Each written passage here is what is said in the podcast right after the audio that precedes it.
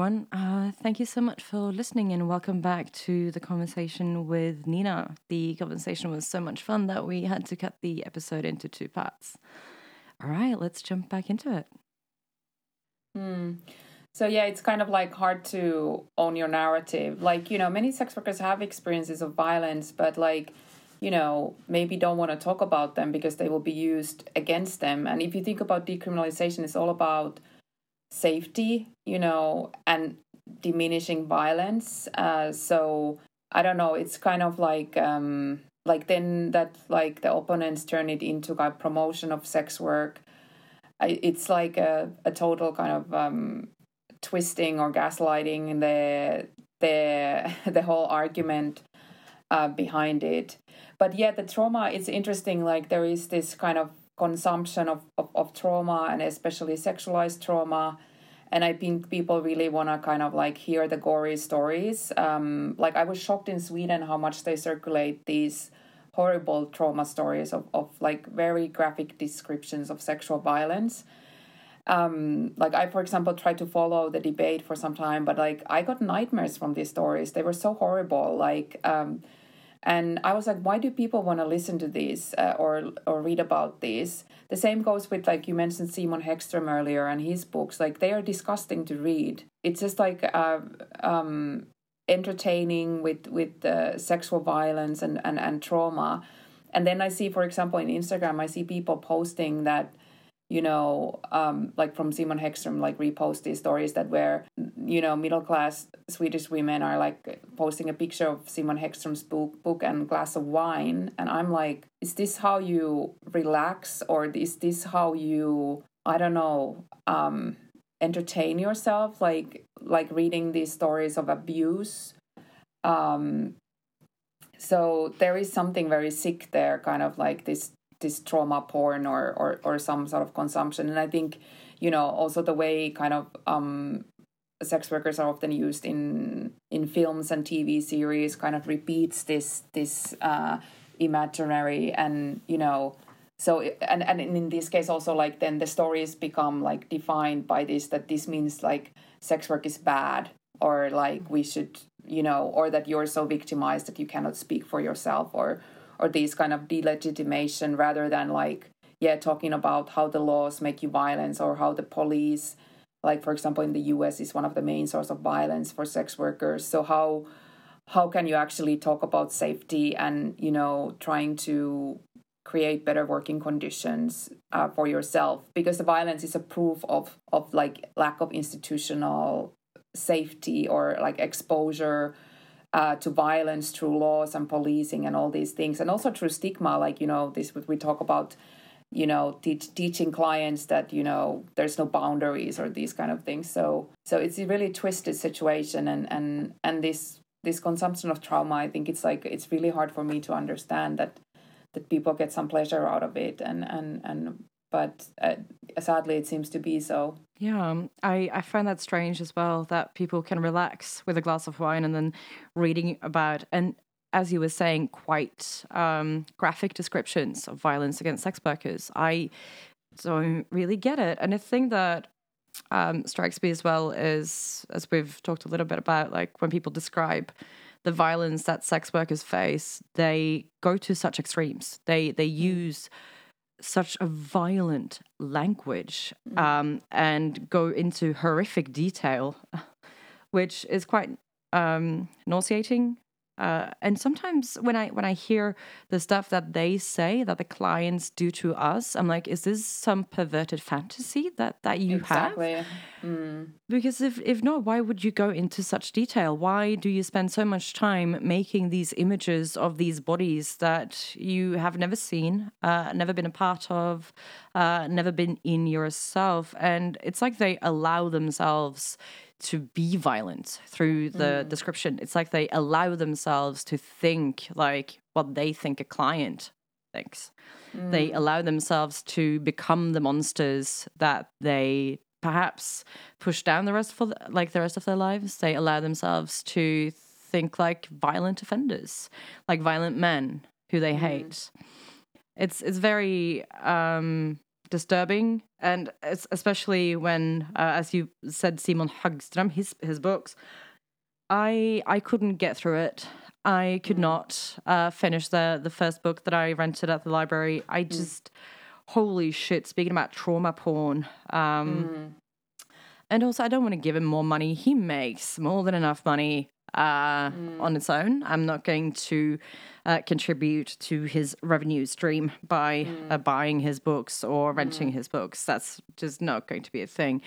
And speaking of, so sex workers keep finding our bank accounts closed. We can't make money. Um, it's very difficult to uh, make money in a legal way. Uh, the money can be confiscated, can be used as evidence, which brings up the question for me then who can make money on sex workers? Because it seems as if everyone else can, but we can't. So, academics, police officers, uh, authors, script writers, they can all make money on us. And very annoyingly, Amy Schumer was uh, one of the people who uh, came out hard against uh, Decrim. She's very Nordic model. She's very. Um, She's a hypocrite uh, by all fucking means. So she was one of those in the was that uh, the Kutcher's campaign, like a few years back. Okay. Um, yeah, uh, this was one of those anti-trafficking campaigns that had a lot of famous people in it, and then she has a tour. I think it's finished. I reacted to this quite some time ago, and she called it the Whore Tour. Oh my god. Yeah, sounds Yeah. sounds really bad. Yes, it, it truly is. So she can make money on us and she can use our mm-hmm. language and she can use our culture, but she is also pro criminalizing us and the work that we mm. do. And so many academic academics do this as well. Like they make so much bananas on us, and then they speak about the exploitation of sex workers. So they exploit our time, our trauma. Um, they make so much money on us, but when we try to say that the work that you do is dangerous and puts lives at risk, they're like, no, no, um, I'm just a saving angel. I'm a guardian. I am trying to help you. You just don't understand it. So they make bank. Uh, we get killed. Like the Julie Bindel uh, course, which is uh, happening, I think, still at the moment. I think it's 20 or 30 quid uh, per head, where she does like an anti prostitution talk and speaks about the truth in prostitution. So, again, like she can make money on us, but we can't actually safely uh, bank our money, which would, would help us to, to quit sex work. Mm. Very interesting. Very interesting. And this is also a question that I don't really see raised so many other places. Like, who gets to profit of prostitution? Everyone mm. but the prostitutes. Mm. Yeah, it's definitely very true. Like talking about also the rescue industry and thinking how much money goes to the anti trafficking work and all these campaigns and awareness raising and how many people get employed as like I don't know experts and I don't know all kind of like workers in that industry. And yeah research as well and and and so on. But like I think the rescue industry is just massive and thinking about like if all that money that's put on awareness raising around trafficking because like i don't know there are trafficking convictions they're like one or two a year in a country. And like you know the victims get not much uh from it. So it's really like yeah just like something that makes money to itself uh, on the on the backs of, of of sex workers so yeah It is um, annoying, but also somehow just a just of course, yeah, obviously, obviously, uh, this is a self-paying and self-going machine. Um, and the rescue industry is also something that people don't really speak about here in Norway because it's not an industry; it's just people trying to help. And I've even um, had to make a separate folder of bookmarks uh, in my browser that's called rescue industry because there's so much of it, and people really don't become aware of it. And well, of course, we need to pay people uh, to help the poor and you know the poor trafficked, the poor prostitutes. Why don't you just fucking give people money so they can spend it on rent and food? Like that would be great. I think also the problem here is that we don't trust people to make good decisions about themselves. We can't just give people money because what if they spend it on something they shouldn't?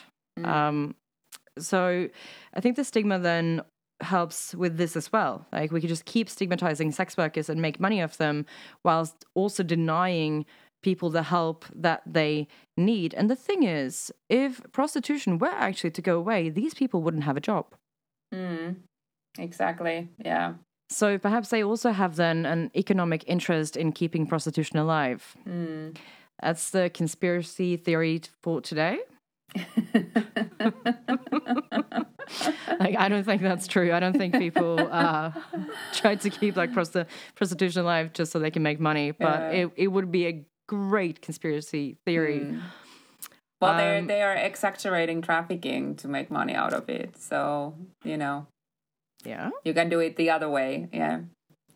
absolutely. And speaking of then, uh, I want to go back a little bit to your uh, your policy because there's so much good stuff in it. Like I've I've spent such a, a time with this. Um, and then also reading through the Norwegian version. I hope it comes out super super soon because you have a thing on the social. Um, what what is this? Three B, and the way that the help that we need is not there. The harm reduction that we need in Norway is is quite good. In Sweden is next to um, nothing.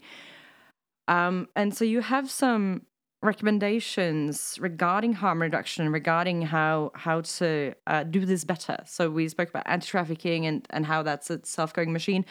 What are your recommendations? What your policy recommendations in regards to this? Well, I think uh, like one thing what we have also discussed that like yeah, it's other people um, deciding what kind of help or what kind of support there's needed. So I think one thing would be really kind of centering uh, sex workers and people in the sex trade in in in in kind of service design and production, and not only like listening to people like what do they need or or like how should we do services but also including people to administration like hiring people uh and you know like that it's really kind of um that people are are part of the organization of these uh these instances. And then of course like prioritizing funding of organizations that already is led by sex workers so, um, like, really, you know, like instead of seeing sex workers as objects of help, thinking that they they are themselves already doing most for their community, like you know, often like sharing safety information, supporting colleagues, sharing bad client lists. So give them resources because they know uh, how to best organize these. Of course, you need specialists like you know healthcare specialists and and and and like people who know the social welfare system and stuff, but really kind of like centering uh, sex workers um, in the production of these services and also their diverse experiences. So not just certain type of sex workers, but like from different backgrounds and motivations and experiences in sex, sex work. Language is also like very important, like thinking about ethnicities or like racialized um, experience in sex work, especially thinking, you know, majority of being migrants. So so really kind of thinking about that. I think that's and also in policy making. So I think if we think about the service provision and, and, and stuff like that, I think that's really important.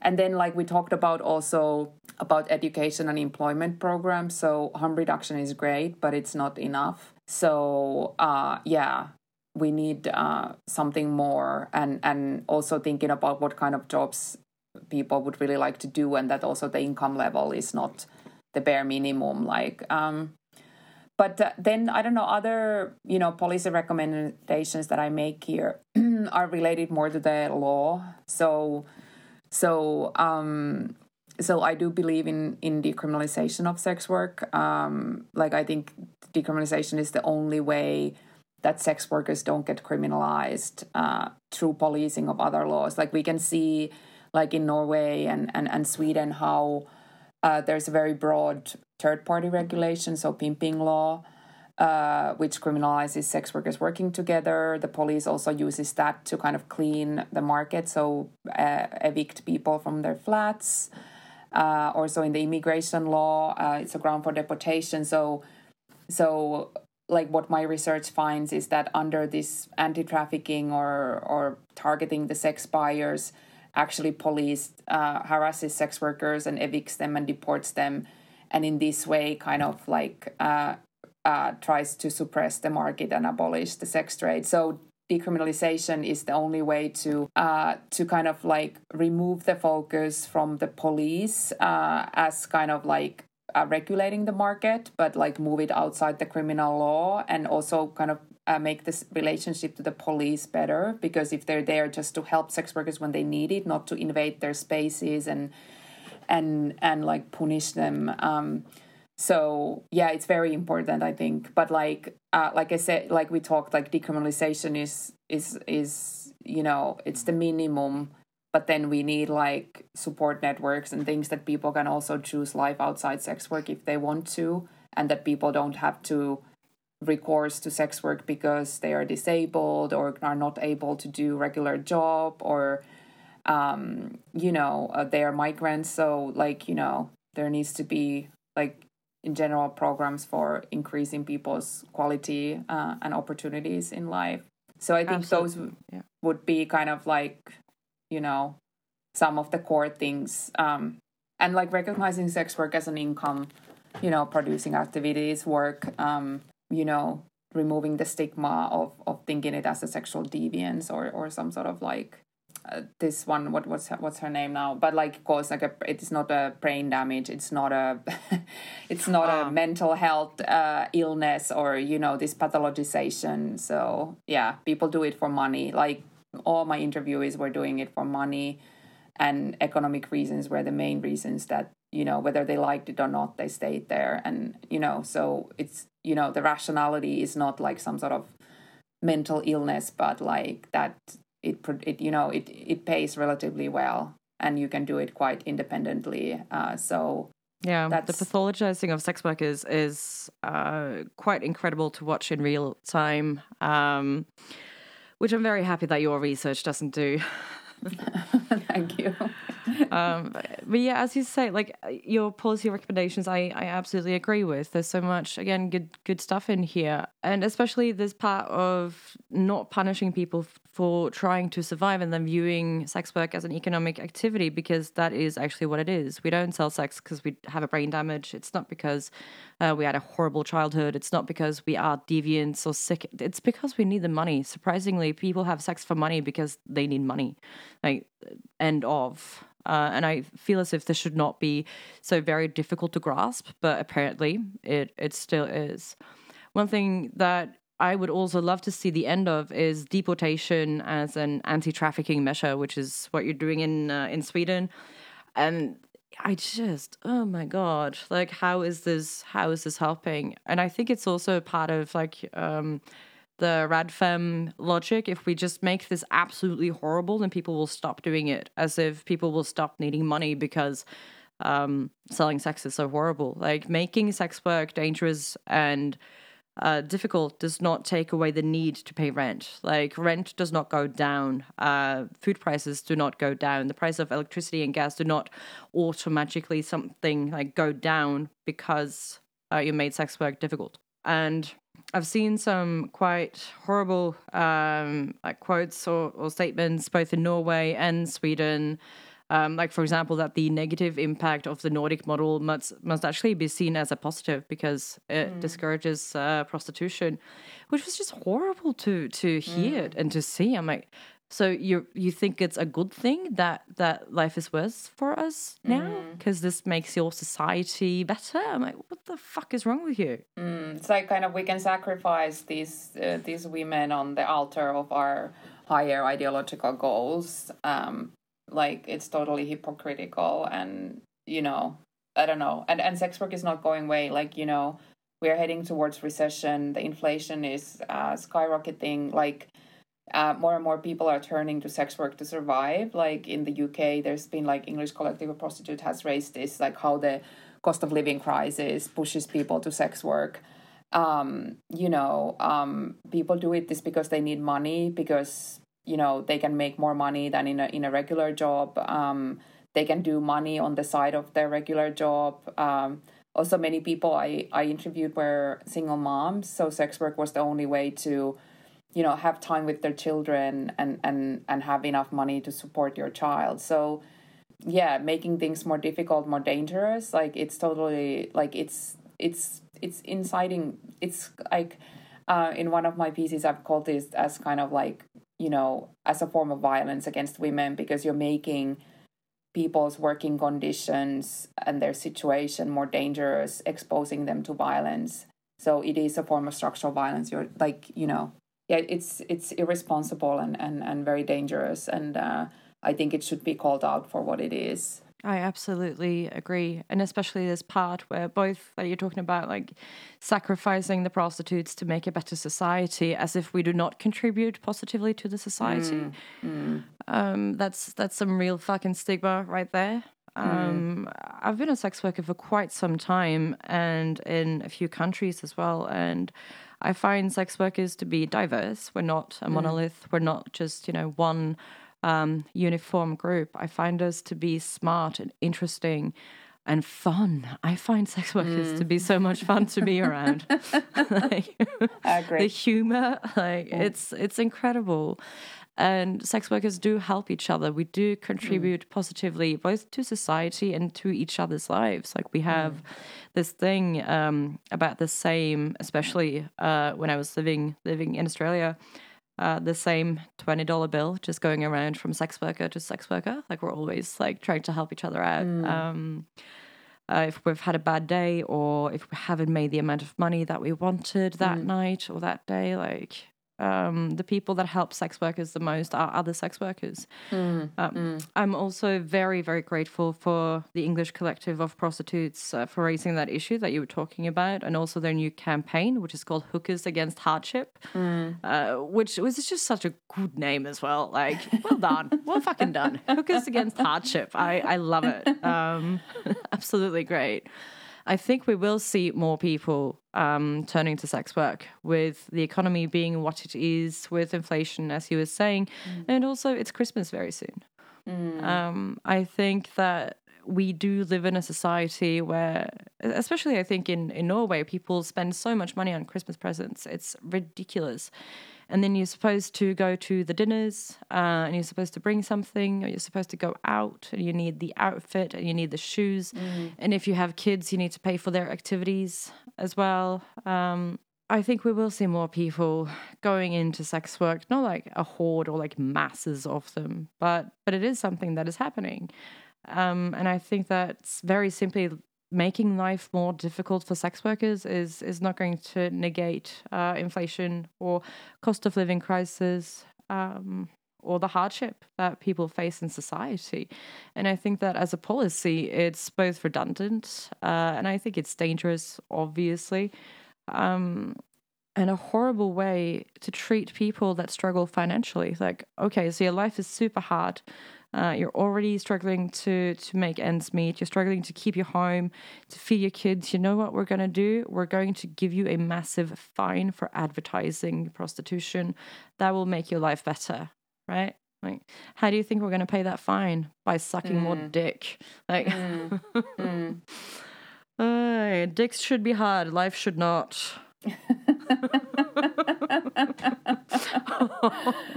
oh my god. Oh, yeah. So there's um there's also uh, a Norwegian woman who's uh, who's on the socialist left, and um, I just thinking about the the Swedish uh, person that said that you know the negative must be seen as a positive. Mm. We we have the same thing going on in Norway. That um, so with my own translation here, which is a bit rocky, but still, mm. truth be told, um, it is not certain that the prostitute will be helped by the ban on the purchase about like the sexköpslagen, uh, purchase of sexual services, if she is dependent on selling herself and have no other options. That does not mean that we can accept a society where women are for sale. Mm. Like, mm. the fuck? So you're fine with making life worse for us because you imagine that if a prostitute exists, then you will also somehow become a prostitute. Like we we don't mm. uh, we're not contagion bombs. Like we don't mm. infect people with our prostitutiness. Like this mm. this is not a thing. Um, and it's just so horrible to see. And I think that the stigma against sex workers in Norway, I, it's both. I, in some parts, I think it's kind of lifting a little bit. It's not as bad with the younger generations, I hope. But in other parts, uh, especially during like times of hardship and economic crisis, you see people kind of become more protective of what they think is theirs um, which can then also be seen as women. Women are always representative in a time of crisis. So, good women should not become prostitutes. And the way to do that is to treat prostitutes horribly so our good women will not become prostitutes, um, which I, I keep seeing and keep being infuriated by but I don't know how to communicate to people that their stigma is not helping. And I, I especially don't know how to do it without becoming very angry and just mm. shouting, which mm. is what I mm. want to do all of the time. which is which is why I have a podcast so I can rant about it here instead. but like how how do we convey to people how dangerous the stigma is and how pervasive mm. it is? Yeah, it's really hard to like I think for people to understand how much the stigma affects. Also because due to the stigma, sex workers are often invisible uh, in the society. Uh, like, I'm sure everybody knows somebody who has done sex work, but they have no idea of it because people never never talk about it. And like when when i was talking with people like you know the stigma was the biggest problem. Like the law of course but the stigma was kind of like you know they find it very heavy uh, and being afraid of being exposed because you never know what kind of consequences it might have. Your friends might disown you, your family, um, you know, uh, you know, your social circles can be disrupted. Uh, also, um, if it's you know found out by officials or somebody might use it against you and report you to the social services. You have children, you get under the lens of uh, social services. Um, uh, if your other employers might know, like we know a lot of cases internationally, people get to get fired. Like for example, if you're a teacher in a school, you're not seen as a fit teacher. Um, so it's really yeah really penetrating the life and also that you cannot talk about your work you have to hide some part of your life uh, to people when people often talk about their work and work experience complain about you know relationship with clients or other workmates at, at work like it's a very common talk. And then of course like we talk about the the, the stigma around sex work uh, promoted by the radical feminist uh, as like women as trash cans and and so on. But also these ideas of like yeah like um and i think this is somewhere where i think um women should have solidarity because like the, the kind of the whore's stigma is is something that touches uh, on every woman. Like it's a way to control women's sexuality. Like you know, uh, if you you know if you you know if you have a lot of sex, uh, you're seen as a whore, or if you dress scantily. Um, and also if we think about like you know um, you know these inquisitions that if you get sexually harassed or or raped like you know what were you wearing were you drunk all these things. Like it's about uh, female sexuality and its control and kind of like dividing people into good and bad women who need protection and who not who kind of like caused it on themselves. So so this is kind of like something that like all women experience uh, irrespective whether they're sex workers or not. Like you know there's this control of sexuality and I think you know, um, yeah, we should see this solidarity and and and and like think that this this uh, control of sexuality affects everybody. But yeah, especially um, on sex workers, like they have very hard time getting justice when they experience uh, sexual violence or violence in in general um, and they're kind of like they're not seen as a fit witness or or that you know uh, they were paid, so they have no boundaries. Um, yeah, I don't know. It, it's just really pervasive, and and especially the migrant sex workers were also talking about this constant feeling of being surveilled and policed, and how it makes you feel illegal and bad. And also, some people said that they have killed about the violence that they experience you know that you know it becomes internalized that like you know because you're in this business you deserve that. And that that stigma that stigma talking talking there. But i i'm sure you can you can talk more about the stigma but i felt it was just so pervasive um like in the interviews and and the disrespect people uh experience from the officials social workers other people like healthcare workers like uh, weird questions, um, uh, either victimizing or guilting for for for the violence you experience. It's just um, it's really hard to say how pervasive it is. It's just um, yeah. Um, yeah, it's quite uh, it's quite all encompassing. Um, yeah.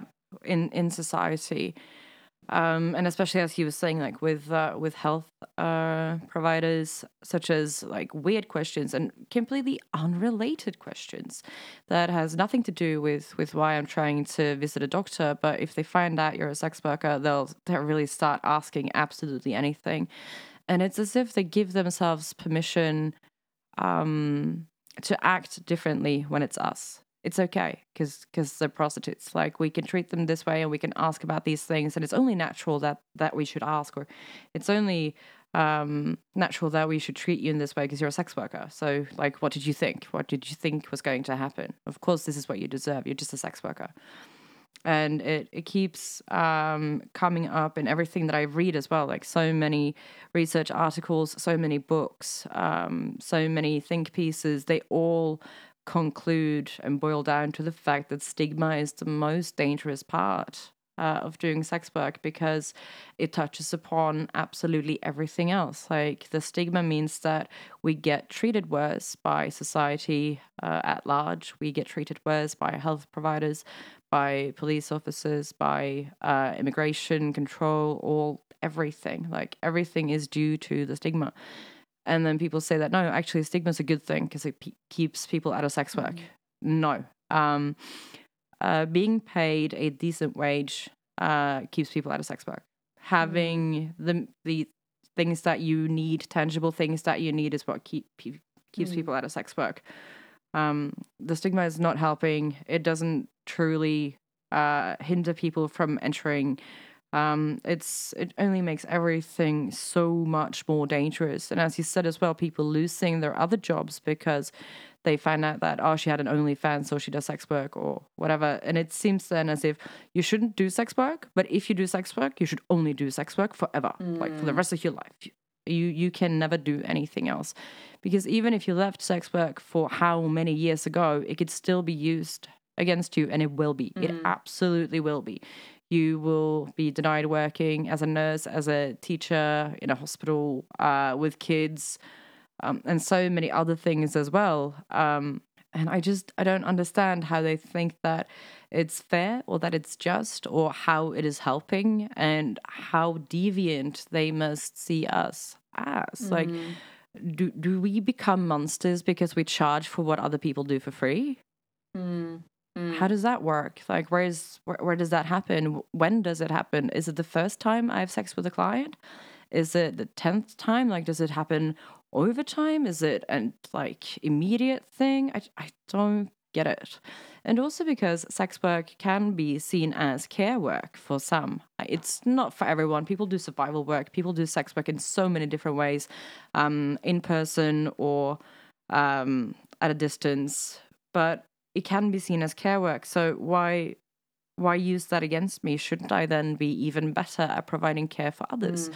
Shouldn't mm. I then be even better at providing care for other humans? Because this is what I do mm. on quite an intimate level. Then mm. shouldn't you want me then at this job? Shouldn't you mm. pay me even more because I've been a sex worker? Like I have the expertise that you are looking for this should not be used to deny me a job. It should be used to bring me into a job. Mm. Oh, just a small little rant. yeah. No, I was just thinking, but also like uh, when you were talking about care work, like I feel like, um, like um, the concept or how they understand sex uh, work is is so distorted and like focused on this violence and these sensationalized images that they have hard time imagining what the actual practices of sex work is uh, how different relations you can have with clients. Um, you know the care aspect it might have. Also you know how do you feel successful as a sex worker? What is a good encounter to you? Like can you feel like you know satisfied? Like i don't mean like sexually but like professionally after a meeting. Like these kind of conceptions don't even enter the picture because if you have a certain type of image of sex work as violence so then like these cannot even even exist. So yeah. And then also like I'm, I'm just like it's it's interesting that like that you think stigma is good for already marginalized groups. Uh, so because stigma is a form of violence it's a form of dehumanization. Um so like making people less human so you can treat them worse. So i i just don't don't see that that, that can be good to any group of people. Um so that's my two cents on on two cent rant on on your rant. So yeah. yeah, but it is it is everywhere, and people do allow themselves mm. to to behave in a very different way uh, towards sex workers, and I just I see it so much. I'm like, wow. Um, I I wish that people would would sit with themselves for a bit with this and ask like, why do I do this? Why do I allow myself to treat sex workers worse? Why do I allow myself to describe sex workers as cum receptacles or human trash cans or um, why do I allow myself to infantilize them, to pathologize mm. them in this way? Mm. What is mm. happening in me when I do this? Why is this my response to people who charge for what I do for free? Mm. How how when did that come up? Like how did that happen? because I've seen it so much, but I don't see people who ask themselves, like, why did I end up thinking the way that I do about sex workers? When did I pick up that knowledge? Where is it from? People don't question the knowledge that they have, they just know stuff. And then they feel uh, as if they have the competence and, and knowledge to shout to sex workers what our lives actually are, which is also very, very interesting mm. every time it happens. Um, especially like, oh, it's not all pretty woman. I'm like, yeah, no shit, mate. Like, I've been selling sex for quite some time. I, I can definitely tell you that no, it's not all uh, Pretty Woman, Julia Roberts. Mm. Um, yeah, mm. I, I kind of know that actually from personal experience, believe it or not. Oh. And also, um, so before this, I, I was looking for something else, but I ended up, unfortunately, reading so much Catharine MacKinnon last night. Oh, wow. oh, my eyes were bleeding. Like to anyone, just don't waste your time listening to or reading Catharine MacKinnon because it's absolutely horrible.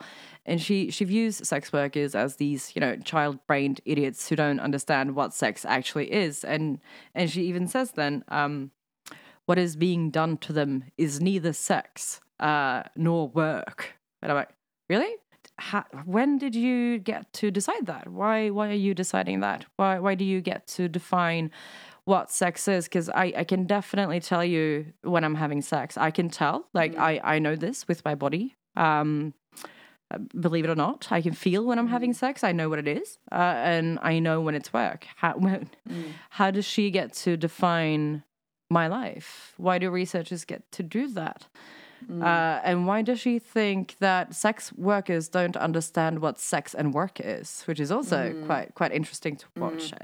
And I keep reading and researching so so many different texts about sex work because I think if if I'm if I am going to speak on it and write on it, then I should read different stuff and also the stuff that I don't agree with. Uh, three hours with Catharine MacKinnon, though, too much. Don't do that. Uh, one article is, is is more than enough.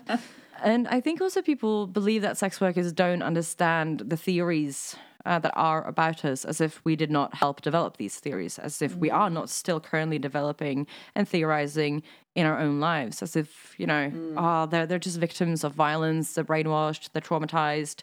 Um, so we need to tell them in academia what they really and truly are. We will do this for them. We will educate them on their own lives which is also very fucking infuriating. And I, I wonder what happened somewhere down along the line when someone said, you know what I'm going to do? I'm going to spend my life explaining to sex workers why they're fucking idiots. Like, when did you when did you get up one morning and decide that what happened and again i want to do this thing where i interview researchers and ask them did you when did you decide that you were going to spend your life traumatizing sex workers like, like when did that happen i'm not gonna but but it would be fun it would be really really fun turning the tiles yeah yeah yeah, and especially those who describe us as damaged goods and holes for men mm. to empty themselves in. And these people are mm. seen as somehow neutral, whereas sex workers who condemn the Nordic model are seen as the pimping lobby or the sex trade expansionists. And I'm sure you've met some of this critique yourself because you, you mm. do state that the Nordic model uh, doesn't work the way that we think that it does. Um, and being called a pimp lobby is always uh, very interesting. And I think that would mean that the London School of Economics is your pimp. Is that because they pay? I mean, and they send you places for you to do your work? Yeah, I don't know. I guess they think there would be some powerful, uh, like it's like a conspiracy theory that there would be some powerful people promoting sex industry, drawing the strings behind everybody's back. Um, but yeah, it's just like um, you know, it's a way to tarnish people's reputation and make them less credible. And you know, um, you know, it, it undermines the credibility of sex workers' rights movements that they're not t- speaking from their experience or that they are privileged or they are pre- representing the pimp, so they're not the true voice. So there's always this question who represents the true voice of sex work. So then it's only the victims who are so victimized that actually somebody else has to talk for them. Um, yeah, so it's it's and also like representing like it, it's a way also to sideline the argument that sex workers rights uh, movement does for the rights of sex workers so it becomes this kind of like oh that these are representatives of like banal liberalism who just promote people's right to have sex uh, as they please, uh, and then that you know the radical feminists are promoting um, the right not to be sold, and this is this is total misrepresentation of what's going on, and and I, I think it's interesting because this discourse, like every time I talk about sex work, I always meet this uh, kind of dichotomy of of of like you know oh you're promoting uh, sex industry you're promoting the right to buy sex or right to sell like it would be like about choice. And like the labor aspect of it uh, totally disappears. Uh, and then there's the discourse what about the victims who are forced? Like you know like they wouldn't benefit of having rights or you know I, I you know like what is this like trafficking victim? Like you know there's uh the trafficking victim gets justice when when after had it has been trafficked you know? Like there's no what's the prevention of trafficking then you know? Uh, how to prevent people um, you know migrating with debt or like there's no discussion of of of, of that. Uh, so yeah it, it is um, like I don't know if I've been like I've been in in the room with people who definitely I haven't been called the pimp lobby, but uh, I've certainly uh, met a lot of hatred uh, um, when like like saying that sex work is work and that not everybody is uh, exploited and like trying to bring the multiplicity of experiences on on on the forum. But yeah it is like this pimp lobby discourse. It's really kind of like a discreditation uh, machinery and and uh, trying to especially well of course researchers but i think you know mostly trying to silence sex workers own views and movements and and you know the work they do among themselves. So yeah um yeah. Absolutely. And like also like diminish the discussion on diversity of experiences in sex work. So it's either you enjoy or you're exploited. There's nothing in between whereas we know that that's that's the, the, the, the in the middle is the most of the truth if we think about it. But like yeah it's like yeah. Yeah, yeah. Um absolutely and I, I feel as if these like theoretical and ideological debates of whether or not choice exists within sex mm. work or whether or not uh, consent exists and under what circumstances consent can be true or consent can be withdrawn or how consent works within capitalism all of this is very interesting it is interesting theoretically it is interesting um, ideologically, but it, it doesn't really help us to get the material support that we need. As you're saying, it's it's taking away from a discussion that could be so much more productive if we were talking about okay so in what ways do we best employ these resources to help sex workers where they mm. are right now so, mm, mm. and like how, how do we control uh, the programs that we have how helpful are they what is the quality control of what the work that is being done at the moment um, instead of you know that that would be such a good discussion and what we're doing instead is like awareness campaigns uh, and discussing whether or not uh, sex for money is good or bad actually and it's, it's so fr- mm. frustrating and i also mm. i kind of feel um, actually a bit sorry for people who are legitimately trying uh, to understand what is going on within sex work. Because um, we, we keep saying this like that there's two sides, you're either for or against. We know that it's a lot more complicated than that. But all of these articles that people are reading, like either it's uh, prostitution is rape or uh, stigma is actually the most dangerous thing and we keep like throwing research articles at each other um, and there's no easy way to, to navigate um, these discussions. There's no easy way to navigate all of the research that is being done either. It, it can be quite confusing. Um, and the critiques are always haggling. Like there's so much of it because it's either like you don't understand the entire truth capital truth about prostitution um, or it's no, actually, you're perpetuating stigma and you're being a part of a discourse that leads to sex workers experiencing more systemic oppression. Worst case scenario, us being killed. Like, good luck for those who are actually just curious and wanting to learn more.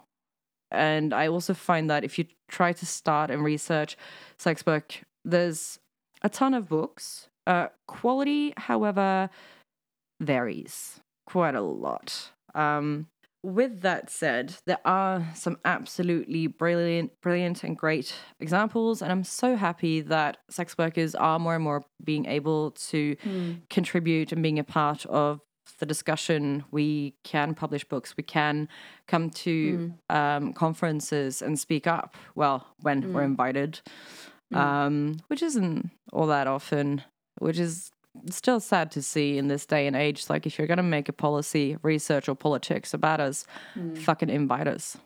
Like, mm. we're right here. And, and people say, like, oh, I speak on behalf of the voiceless. Well, how incredibly convenient for you that we don't have a voice. How, how very good of you to take it upon you to speak for us and instead of, you know, with us. It's, um, there's nothing about us without us. It's, it's a truth in there. And, I feel as if, like, again, I know I'm repeating myself here, but if you're going to make a policy, a research article, or uh, politics about us, you, you, should consult with us in a meaningful way and not just say, we listened to sex workers, but we found that they were too traumatized to know their own good. So instead, actually, we're going to make uh, more carceral policies and think that that will solve the uh, cost of living crisis. Which, which it won't, yeah, which absolutely won't. So in the end, then, I also have a question which is very, very difficult to answer because I don't know my own answer yet. And it is what is your favorite uh, book or film or text or anything like on sex work? Um, I don't know. I, we were just talking about you know how sex workers um, there's more and more materials produced by sex workers like of course because of blogs and internet and so on. But i think one book that i recently liked a lot is the revolting prostitutes by um, Juno Mac and what is the yeah. And uh, and molly smith Juno Mac and molly smith, molly smith. yeah. Yeah, Uh, so i think that's great because it's kind of like um, it goes beyond the sex work is good, bad, uh, binary. talks about trafficking, migration. Um, it's a really well and engagingly written text. Um, so I, you know, if everybody wants to ask me like, what should I read about sex work, I usually recommend that book uh, as an introduction. Um, yeah, I think that's great. I don't know, like others. I don't know what other text I would recommend. I think that's kind of my favorite at the moment. So um, yeah and I, I i make my students read that so. Yeah. Awesome. Awesome. Thank you so much. All right. Thank you so much uh, for talking with me, Nina. This has been such a pleasure and a delight. Uh, and I the very same, much the look same. I so much look forward to your your policy recommendation coming out in Norwegian so that I Yeah. can uh, print it off and then like hand it to uh, politicians and police and health providers, uh, etc. Because it's such it's so much needed. This is an actual practical guide to the policy that we need instead of being yet another uh, prostitution is bad or prostitution is good. Like it's it's so nice to to finally see uh, good work being produced in this field, especially coming from Scandinavia. Uh, so thank you so Thank much you. for your work. Your praise means so much to me. Yeah. Well. I, it's it's actually good. I th- I think it is quite important uh, in this day and age that we tell people when we like the work that they do, because we live in a world that can be so cruel uh, and so hard sometimes. Uh, so so giving people praise, I think. It, it costs me nothing, and it's just a respectful thing to do. Yeah. yeah. I wish I saw yeah that it more. just makes me feel so good that um yeah like uh because you participated in the research and community so um uh that the community finds it useful is like the best uh thing for me so yeah and it's really always fun to talk with you uh, um uh in podcast or outside podcast so yeah, Awesome. hope we get to do that more Absolutely. Uh, you'll be welcome back anytime. All right, so I'm gonna wave goodbye to our listeners, uh, and hopefully, because this is in English, we could get an international crowd. That would be great. So again, thank you, Nina. Thank you to our listeners. Thank you to Bjorn, who's letting me do this podcast, and uh, hope I'll talk to you all soon.